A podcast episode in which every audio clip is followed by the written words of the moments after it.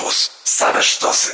Ja nazywam się Robert Malinowski, a moim gościem jest Hubert Urbański. Dzień dobry. Dzień dobry, cześć. Cztery stacje radiowe, trzy największe polskie stacje telewizyjne plus dwie mniejsze. To praca goni za tobą, czy ty za pracą?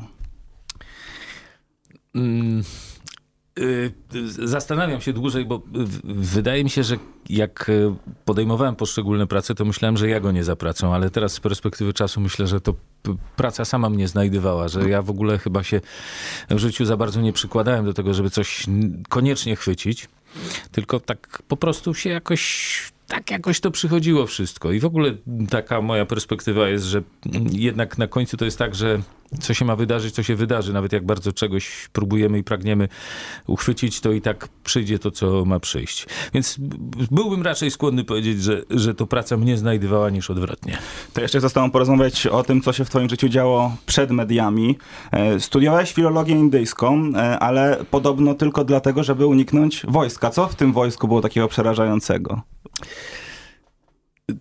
Nigdy o tym nie mówiłem, ale szczerze, szczerze powiem, że to polegało na tym, że mój ojciec z, przerwał studia, bo go wzięli do wojska. I on to bardzo ciężko przeżył. To były zupełnie inne czasy. On jeszcze mm, no, służył z bronią w ręku i strzelał z ostrej amunicji.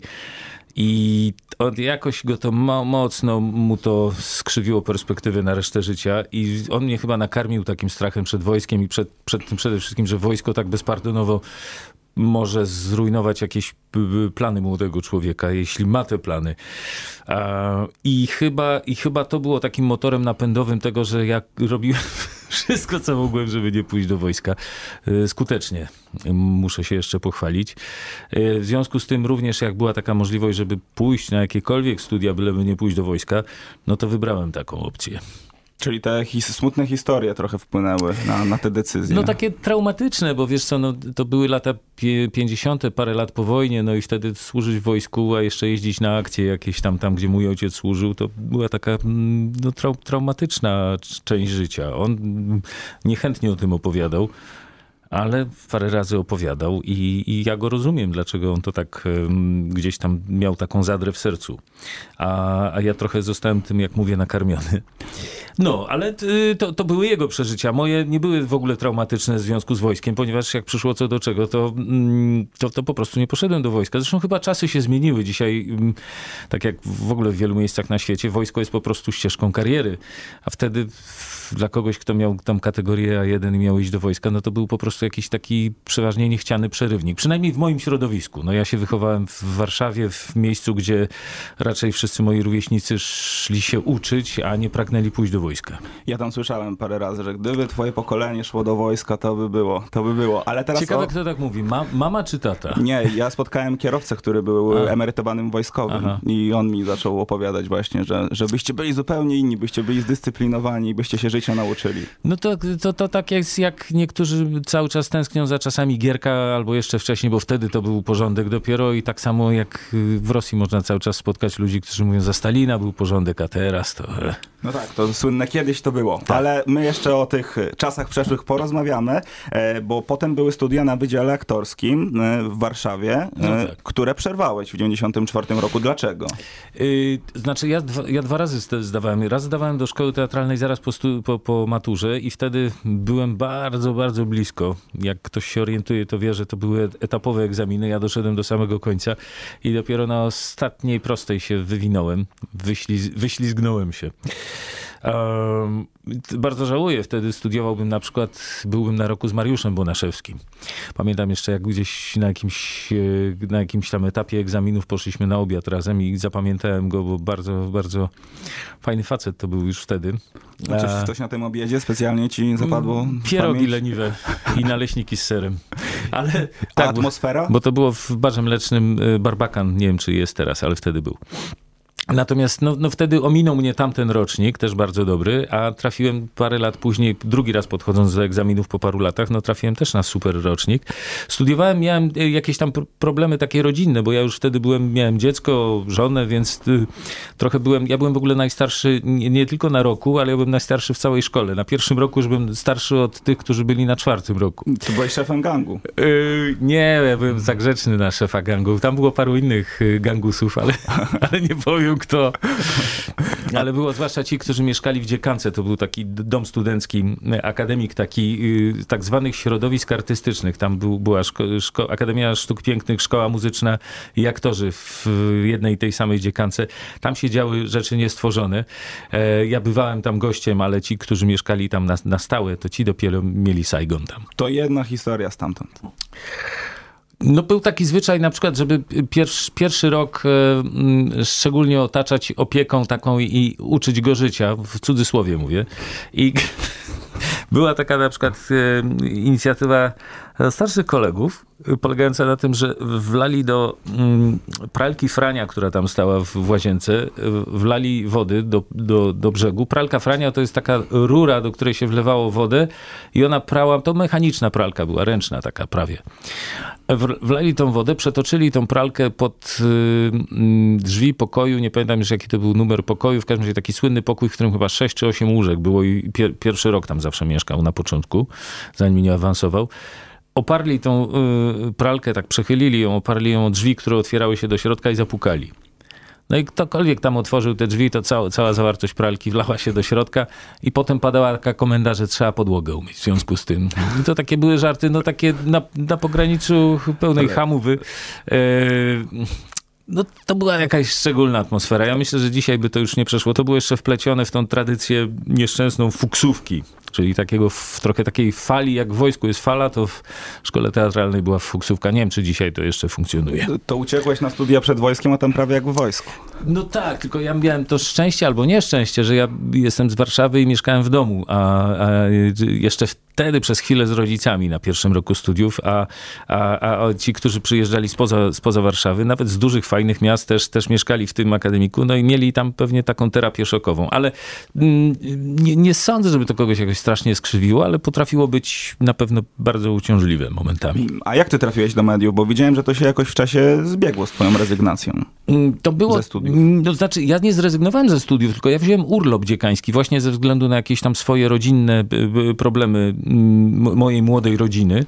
I, I po roku wróciłem na studia, dlatego ja studiowałem na dwóch rocznikach. Ja zagrałem kilka dyplomów ze Starym Rokiem, potem wziąłem urlop dziekański i wróciłem po roku urlopu dziekańskiego i zagrałem resztę przedstawień dyplomowych na, na tym starszym roczniku, więc ja studiowałem równocześnie na przykład z Kasią Skrzynecką, potem wziąłem rok urlopu, a potem studiowałem na przykład z Agatą Kuleszą, z Redbadem Klinstrą, z, z Bartkiem Opanią i z wieloma innymi świetnymi aktorami i aktorkami. A to jak to się stało, że trafiłeś do radia?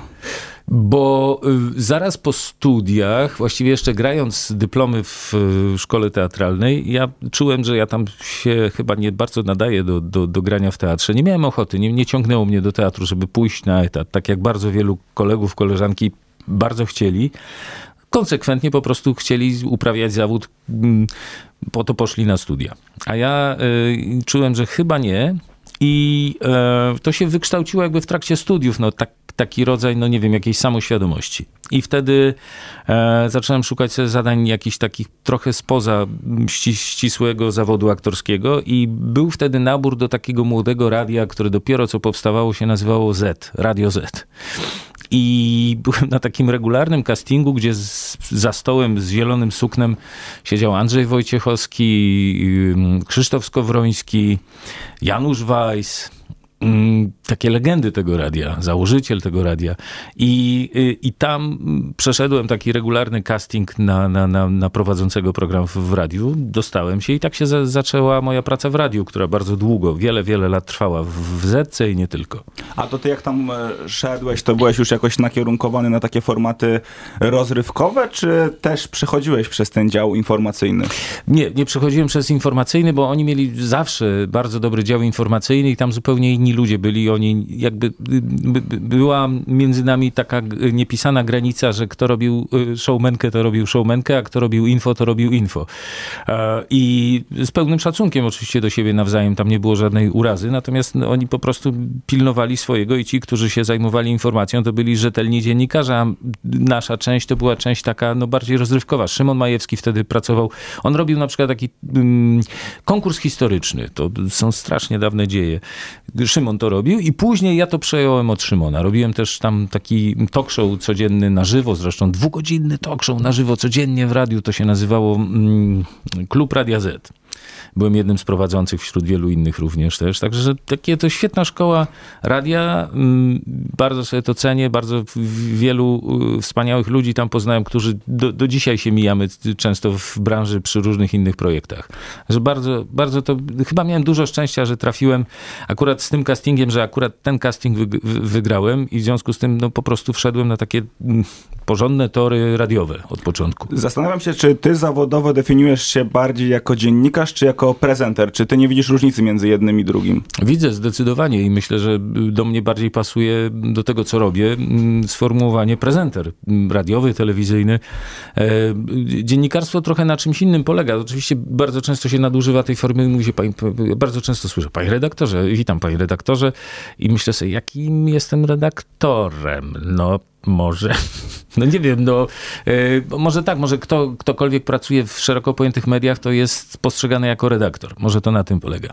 No to jest chyba teraz taka dość sporna kwestia, bo według definicji dziennikarz to osoba, która przekazuje informacje i są spory, kto teraz jest dziennikarzem. No dobrze, no ale dziennikarz, reporter na przykład, dziennikarz piszący reportaże, na przykład, mm, no nie wiem, mm, Hanna Kral, no jest y, dziennikarką? E, albo na przykład, nie wiem, e, Ryszard Kapuściński. Ewidentnie, to, to, mimo że nie przekazywał sensu stricte wiadomości, ale pisał reportaże i był uznawany za dziennikarza zawsze.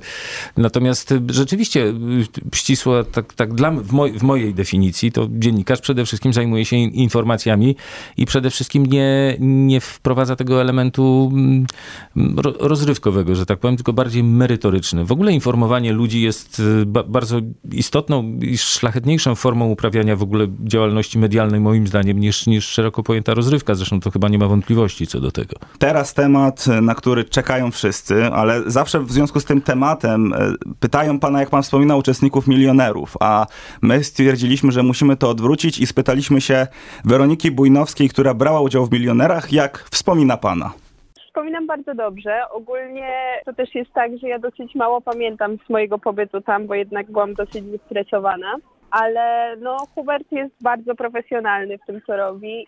No, wydaje mi się, że jakby jego rolą jest trochę manipulowanie uczestnikami, tak żeby oni sami już nie wiedzieli, e, czy dobrze odpowiadają, czy dobrze myślą, czy nie. Gdy doszłam do pytania, na które odpowiedzi nie znałam i użyłam koła ratunkowego, to Hubert mnie pytał wielokrotnie, czy jestem pewna, czy, czy, czy jakby na pewno chcę się wycofać, ale nie chciałam ryzykować i grać dalej. No właśnie te jego pytania, czy, czy jest się pewnym, czy nie, dosyć stresujące. To jaka jest twoja rola w milionerach? Ty musisz ich wytrącać z równowagi, pomagać im? Ja przede wszystkim chciałbym powiedzieć Weronice, że ja też niewiele pamiętam z, z, naszej gry i też jestem zestresowany. Naprawdę, mówię to bez kokieterii. Ja mam dużą tremę zawsze, jak przyjeżdżam na, na zdjęcia do, do studia. Natomiast jeśli chodzi o tę rolę moją, to ona jest... No trudno mi z tym dyskutować, bo to tak jak ktoś tak to postrzega, to no po prostu ma takie przekonanie. Natomiast to jest specyfika tego programu. Tam jest kilka elementów, które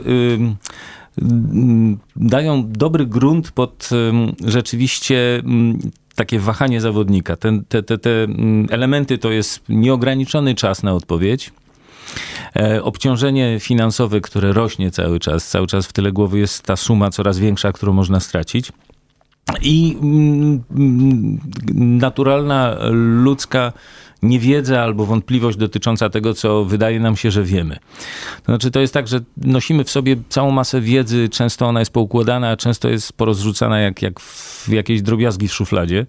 I po prostu wydaje nam się, że coś wiemy, że leży w tamtym rogu, w głębi jest coś, co wiemy, wiemy, ale jak ktoś cię zapyta, ale jesteś pewien, to nagle mówisz tak, kurczę, może to nie było tak rzeczywiście, że przypominasz sobie, nie wiem, coś sprzed pięciu czy dziesięciu lat, gdzie byłeś na przykład na jakichś wakacjach i pamiętasz, że tam był ktoś i ktoś, a ktoś ci powie na przykład, a był była jeszcze taka Małgosia i ty mówisz, a może, a może i, i, i, i, nie jesteś do końca pewien, bo to jest jakaś strefa, stre, sfera twojej wiedzy, pamięci, która potrafi być zawodna. I to samo jest w milionerach. Dlatego moje niewinne pytanie, czy jesteś pewien, powoduje, że, że ten stres natychmiast się włącza i ta wątpliwość się natychmiast włącza. A czy też jest tak, że Twoim zdaniem ta dzisiejsza nagroda jest adekwatna do dzisiejszych czasów? Bo jak była pierwsza edycja milionerów, to ta kwota milion oznaczała co innego niż ta kwota milion dzisiaj. Mm, co proponujesz? 10 milionów. No słuchaj, to jest, to jest propozycja, która mi się bardzo podoba. Nie wiem, co na to dyrektor finansowy w stacji, ale ja myślę, to znaczy tak, nie da się ukryć, że oczywiście e, utrata wartości pieniądza jest i ta dewaluacja jest, aczkolwiek to nie jest nadal galopująca dewaluacja w Polsce, na szczęście. I rzeczywiście milion dwadzieścia lat temu, a milion dzisiaj to jest trochę inne pieniądze, ale trochę inne, nie jakościowo inne. E, więc milion to wydaje mi się nadal są duże pieniądze chciałbym podkreślić jedną rzecz. Największe pieniądze, jakie są do wygrania w teleturnieju w Polsce. Nadal. Chyba, że znasz jakiś teleturniej, w którym można wygrać porównywalne pieniądze, bo ja nie. Nie, nie, nie znam. Że, e, że ponad milion też czyli też nadal, Czyli nadal jesteśmy po prostu liderem w, w, dziedzinie wysokości nagrody, jeśli mogę tak powiedzieć. E, I, i nadal ludzie mm, przeżywają tą wygraną, nawet jeśli to jest, bo mówimy zawsze o milionie, ale nie, nie pamiętamy, niesłusznie moim zdaniem, o tych wszystkich, którzy wygrywają pół miliona złotych, ćwierć miliona złotych, 125 tysięcy złotych. Nikt nie potrafił sobie przypomnieć, a ile ile było tych pół milionów, ćwierć milionów? Bardzo dużo. Pamiętamy tylko te główne wygrane. Więc e, my, myślę, że nadal są to imponujące pieniądze i nadal mamy czym zachęcać zawodników do tego, żeby przychodzili i wygrywali. A są takie momenty, że ty czujesz się zaszufladkowany w loteriach, teleturniejach i produkcjach, które są programami opartymi na licencjach. Czy tobie się nie marzy taki autorski program zrobiony właśnie na twoich zasadach? Y to, hmm, to jest dobre pytanie i zawsze nie wiem tak, czy wybrać szczerość, czy odpowiedzieć koniunkturalnie. Szczerość. No, szczerość polega na tym, że zawsze y, chciałbym za, zrobić jeszcze coś takiego, co, co mi chodzi po głowie, natomiast z drugiej strony ja jestem beneficjentem tego, że jestem Hubertem Urbańskim z milionerów. No, nie, nie mogę tego i ukryć i nie, nie neguję tego. A co ci chodzi po głowie? U, ja, ja od dawna y, chcę zrobić i to przyjdzie na to czas oczywiście, aczkolwiek zawsze to jest tak, że ta koniunktura gdzieś tam mm, sinusoidą płynie, tak? Ale mm, ja, ja, cały czas wiem, że zrobię talk show. Bo... Kubie Wojewódzkiemu ostatnio spada oglądalność, to może jest ten czas? Y, ja myślę, że y, nic nie stoi na przeszkodzie, żeby były dwa równoległe, trzy równoległe, cztery równolegle talk showy. To, to, to jest spory kraj, w którym jest nadal tylu widzów, że to jest trochę, wiesz co, to jest trochę tak jak y, otwiera się na ulicy knajpa, tak? I potem otwiera się druga i mówią tak, u, nie otwieraj drugiej, bo tam już jest jedna, to będziecie mieli konkurencję, trudno i wam, wam, będzie, trudniej wam będzie zdobyć klientów. A potem się okazuje, że się otwiera jeszcze następna, jeszcze następna i na tej samej ulicy się robi zagłębie knajp różnych barów i okazuje się, że to wszystko samo się napędza. I tak samo myślę, że jest z tym rynkiem, że, że to nie jest tak, że tu jest miejsce na jeden talk show albo góra na dwa talk showy. Tak naprawdę ten rynek cały czas moim zdaniem by, był, korzystałby na tym, gdyby było więcej y, tego typu na przykład programów. Problem jest inny. To jest trudno zrobić. Naprawdę zrobić ciekawy talk show taki, w którym rozmowa króluje i to, to rozmowa mam na myśli wymianę zdań, a nie monolog, to jest y, trudne, ale do, cały czas moim zdaniem ta, taka pokusa jest i, i takie pole do, do działania jest. Wtyki w Stand Up Polska masz, więc e, tutaj mógłbyś swoje kontakty wykorzystywać, ale o Stand Up Polska na pewno jeszcze e, porozmawiamy. Powiedziałeś, że jesteś Hubert Urbański z milionerów, a wyobrażasz sobie, że kto inny mógłby ten e, program poprowadzić? ta rozmowa się nie rozwinie. Ale tutaj też liczę na szczerą odpowiedź. No dobrze, jak, ja, ja, trudno mi jest też tak o, znowu tak, wiesz, wygładzać te rogi tej rozmowy, więc, więc powiem, jak, jak, jak to jest. No, prawda jest taka, że nie ma ludzi niezastąpionych. Natomiast e, ja wierzę, że ja będę prowadzić milionerów do końca albo życia milionerów, albo swojego. Mam taką cichą nadzieję, ale to tylko moja nadzieja. Natomiast prawda jest taka, że, że każdy program może znaleźć innego prowadzącego. No to odpowiedziałem szczerze. No ale to zresztą niestety, czy stety, niestety, ale y, doświadczenie z rynku światowego pokazuje, że, że mm, no weźmy Stany na przykład. No w Stanach kilka osób prowadziło milionerów. Regis Philbin, niedawno zmarły niestety, prowadził od początku, ale była Meredith Vieira w międzyczasie. Jeszcze tam ktoś, o ile pamiętam, dobrze prowadził, a ostatnio Jimmy Kimmel prowadzi. Także, że... E, Clarkson w Wielkiej Brytanii. W Wielkiej Brytanii Clarkson, chociaż Chris Tarrant był jednym z twórców tego programu, współtwórców i, i prowadził go od 98 roku roku. A teraz prowadzi go Jeremy Clarkson. E, znowu jest wielu fanów, wielu antyfanów akurat tego sposobu prowadzenia, no ale to jest, pokazuje, że... No bo to jest założenie, żebyś trochę się podśmiewać y, jednak. Jego, no tak, ale to on, to jest akurat taka osobowość telewizyjna, która już sobie może, wydaje mi się, na wszystko pozwolić, więc y, stąd chyba sposób, w jaki on akurat prowadzi ten program, ale też ciekawie. To teraz e, wrócimy na sekundę do milionerów i jeszcze na chwilę oddamy głos Weronice. E, no więc jako, e, że jestem osobą, która mieszka w Warszawie i bywam często w różnych warszawskich barach, na przykład w planie B, to tak, widziałam Huberta jakiś czas temu w planie B, ale wydaje mi się, że, że on mnie nie pamiętał. To jest oczywiście normalne przy tym, jak wielu uczestników bierze udział w jego programie. E, w milionerach, więc, e, więc tak, ja go widziałam, ale, ale myślę, że on nie wiedział, kim jestem.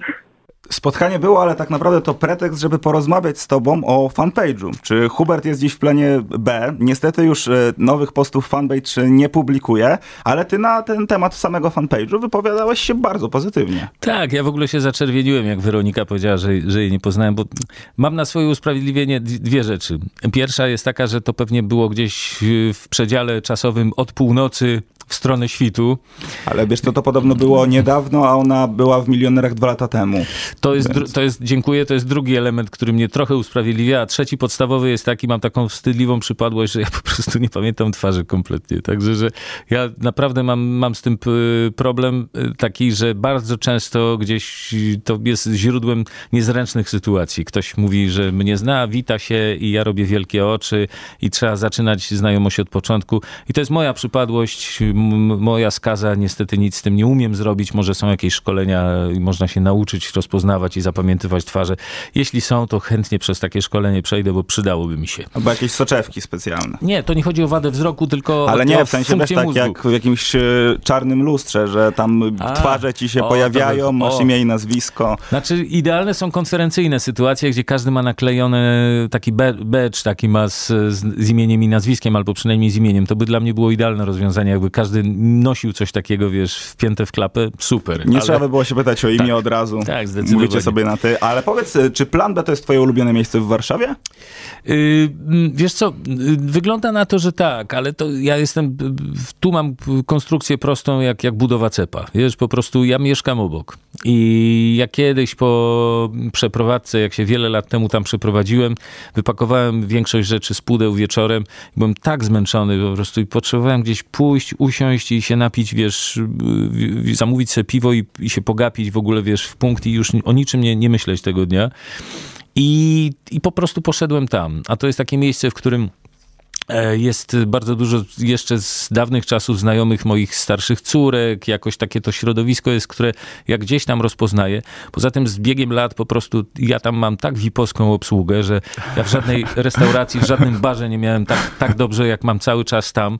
E, ja się czuję tam jak w domu. To wszystko jest już takie tak oswojone, że, że po prostu nie, nie umiem chyba nawet gdzieś wyjść z domu i pójść w inne miejsce. No, no ta, tak, to, tak to wygląda. Bulwary cię nie przekonują przekonują. Nie, za dużo ludzi i musiałbym zaczynać od początku, znajomość, rozpoznawać asortyment, a tam wszystko wiem, mam swoje miejsce. Wiesz co, wszyscy się przyzwyczaili do mnie już dawno, więc nie jestem, wiesz, jakimś takim elementem wystającym, no. Ja sobie to bardzo chwalę, lubię to miejsce, mimo że ma ono swoje wady i myślę, że nawet y, ludzie, którzy tam pracują, wiedzą, jakie to są wady, ale tak to jest. No, w szorstkiej miłości właśnie tak jest, że się y, akceptuje wszystko i wady i zalety. A ty jak byś sobie życzył, żeby ludzie zachowywali się tam wobec ciebie? No bo pewnie bywa przyjemnie, ale też często masz jakieś pewnie sytuacje denerwujące, że ktoś podchodzi, kiedy ty chcesz spokojnie sobie posiedzieć. Wiesz co, wbrew pozorom, y, przez specyfikę tego miejsca nie ma tych sytuacji tak na tyle dużo, żeby one były żeby one przeszkadzały. Natomiast często jest tak, że ktoś, wiesz, chce zdjęcie sobie ze mną zrobić albo zagadać. Z gadaniem trudniej jest, bo ja nie jestem gaduła w barze. Natomiast ze zdjęciem zawsze jest tak, że sobie strykamy te zdjęcia, ja potem je znajduję gdzieś na Instagramie, jak jest link do mnie, więc rozpoznaję jakieś sytuacje, sobie przypominam, o, Hmm, kiedy to było? To byłem ja, naprawdę? Ja przypominam, że dziś jest piątek, więc musisz powiedzieć, czy Hubert będzie dziś w planie B. A to jest zawsze do ostatniej chwili tajemnica. Ja naprawdę nie wiem. No po prostu mam tyle innych rzeczy, że czasami jak mam chwilę, to wyskoczę, wyskoczę tam. U mnie to jest y, tak blisko, że ja mogę tam na godzinę nawet wyjść. Więc nie, nie chciałbym, jeśli ktoś liczy na to, to nie chciałbym zawieść, a jeśli ktoś liczy, że, żeby pójść i żeby mnie nie było, to też tego nie mogę zapewnić. To przekonacie się wieczorem, a do rozmowy wrócimy za chwilę. Rozmowa Radia Campus. Słuchaj w każdy piątek o godzinie 10. Z nami cały czas y, Hubert Urbański i teraz wcześniej zapowiadany temat stand-upu i twojej kariery komediowej, ale zanim my ten temat rozwiniemy, to posłuchajmy Antka Syrka Dąbrowskiego, który powie, dlaczego Hubert został wybrany jako pierwszy celebryta, który był roastowany. No, z bardzo prostego powodu. E, był to jedyny człowiek, do którego mogliśmy zdobyć numer telefonu.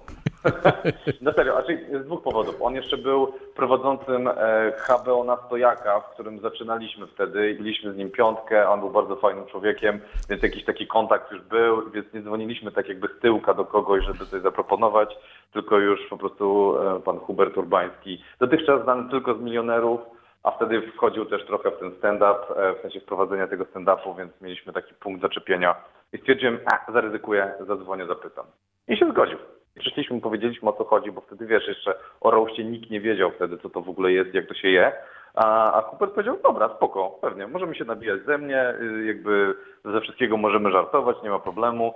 I my mu przygotowaliśmy teksty i on je wziął do domu i je przerobił. I przerobił je tak, że y, potem ludzie piszą do tej pory na YouTubie, że y, ten pan Hubert y, pokazał tym młodym komikom, jak się robi, robi komedię.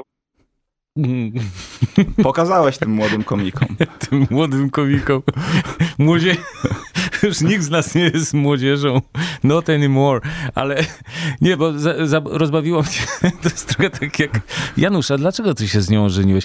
No bo wiesz co, mieszkała w tym samym bloku tylko dwa piętra wyżej, no i, i robiła dobre pierogi i tak generalnie, no jakoś tak, tak mieli, Ale... mieli, telefon do mnie i później się zgodziłem, no. Ale... To rzeczywiście jest argument, no. Powiem ci, że rozmawiałem też z Antkiem poza nagraniem i mnie y, powiedział, że mogę to powiedzieć na antenie, mhm. ale ty możesz być nazywany ojcem chrzestnym stand-up Polska, bo on powiedział, że naprawdę oni wtedy nie byli w ogóle znani, na ich występy przychodziła mała rzesza fanów, fanpage w ogóle nie były rozruszane, a ty się zgodziłeś i wystąpiłeś i to się jakoś dzięki tobie rozhulało. Znaczy, yy, wypada mi tylko yy, przemilczeć to i kiwnąć głową, że jeśli tak mówisz, to niech, niech tak będzie. Ja, nie, ja bym sobie nie przypisywał aż takiej roli, bo yy, oni są naprawdę świetni. Zresztą w ogóle ta... Ta, ta gałąź rozrywki, jeśli mogę tak powiedzieć, bardzo się korzystnie rozwinęła. To jest trochę, niektórzy to porównują do hip-hopu, że tak e, jak hip-hop tak właśnie powstawał i kiedyś był takim pe pełzającym nurtem i nagle się okazał jednym z filarów y, show biznesu, jeśli mogę tak powiedzieć, to tak samo trochę jest z, właśnie z, ze stand-upem w Polsce. Że to jeszcze była parę lat temu ziemia dziewicza zupełnie. A teraz jest właściwie pełnoprawną gałęzią rozrywki i sprzedają się świetnie, no może z wyjątkiem tych paru miesięcy teraz pandemicznych, ale świetnie się sprzedają ich koncerty. Ja sam, nie wiem, kilka lat temu byliśmy w Poznaniu, oni mnie poprosili o poprowadzenie jakiegoś gigu jednego i po prostu tu jakieś tysiące ludzi przyszły do, do, do hali, wypełnione po brzegi to było w Poznaniu na, na, na terenach targowych. Imponujące naprawdę to. Oni się nie, mają, nie powinni mieć żadnych kompleksów. Naprawdę są pełno, mm, pełnoprawnym członkiem, że tak powiem, jeśli mogę tak powiedzieć, show biznesu i są tak samo generują i zyski, i zainteresowanie, i sympatię, jak, jak nie wiem, jak koncerty na przykład jak teatr. Także, że e, ja się cieszę tylko, że mogłem być na początku z nimi.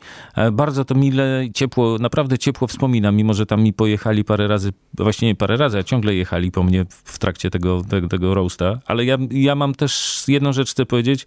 Ja mam tak, że jak czasami dostaję propozycje z nieznanego źródła, tak, z no, szczególnie od młodych ludzi, bo to przeważnie nieznane źródła to są młode źródła. I jak dostaję takie propozycje, to zawsze mam coś takiego, że mi się taka lampka włącza, że kusi mnie tak, żeby właśnie spróbować, bo w, w moim świecie, w moim środowisku jest często tak, że się powtarza i robi się to samo. I oczywiście z tego się dobrze żyje i to jest, e, jakoś daje pewność, jest, jest e, bezpieczne. A tymczasem zrobienie czegoś takiego oczywiście niesie ze sobą element ryzyka, ale jednocześnie mm, otwiera mm, nowe furtki. I tak na pewno było w wypadku, wypadku Stand Up Polska i Antka i wielu innych kolegów tam. Także bardzo sobie to chwalę i dziękuję za wszystkie ciepłe słowa. A hardkorowe poczucie humoru, to twoje poczucie humoru? No, y, to, czy ja wiem, czy to jest takie hardkorowe? W ogóle z poczuciem humoru jest tak, że. Mm, y, ono potrafi mieć bardzo, różne odcienie i można żartować w sposób, nie wiem, no taki klasyczny, grzeczny, taki powiedziałbym emerycki, jak z Ciechocinka trochę, a można jechać po bandzie i um, y, to wszystko też trochę zależy, jak, bo to, zawsze to poczucie humoru musi być w, y, kompatybilne z, ze słuchaczem. Znaczy to jest tak, że na przykład ich teksty e, się mogą przed jednym, jedną widownią nie obronić, tak? I wywołać raczej niesmak, a, a inna widownia będzie ich kochała. Mm, to jest trochę tak, jak na przykład, nie wiem, czy widziałeś, jak Ricky Gervais prowadził... Um, to, tak, widziałem. widziałem. Wi widziałeś, tak? Osk Oscary, dobrze mówię, tak? tak? No to y, jego sposób prowadzenia jest taki, że on jest cały czas na, na, na krawędzi. Znaczy on jednocześnie jest śmieszny i jednocześnie obraża tych, do których mówi. No ale on tam świetnie pojechał. I, I on pojechał parę razy świetnie i to on ewidentnie gdzieś trafiło na podatny grunt, bo gdyby nie trafiło, to by tylko raz pojechał. On kilka razy to prowadził on prowadzi inne też uroczystości. Widocznie ludzie też potrzebują takiego, trochę takiego um, przeczołgania. Y, I, I e, to samo chyba też jest ze stand-upem, że, że jak się znajdzie tą odpowiednią granicę i to jednocześnie można jechać po bandzie, przeczołgać, a jednocześnie potrafi to być prześmieszne nawet dla, dla tych, którzy są ofiarami takich żartów. Ty byś chciał, żeby Hubert Urbański Show to było plus 18?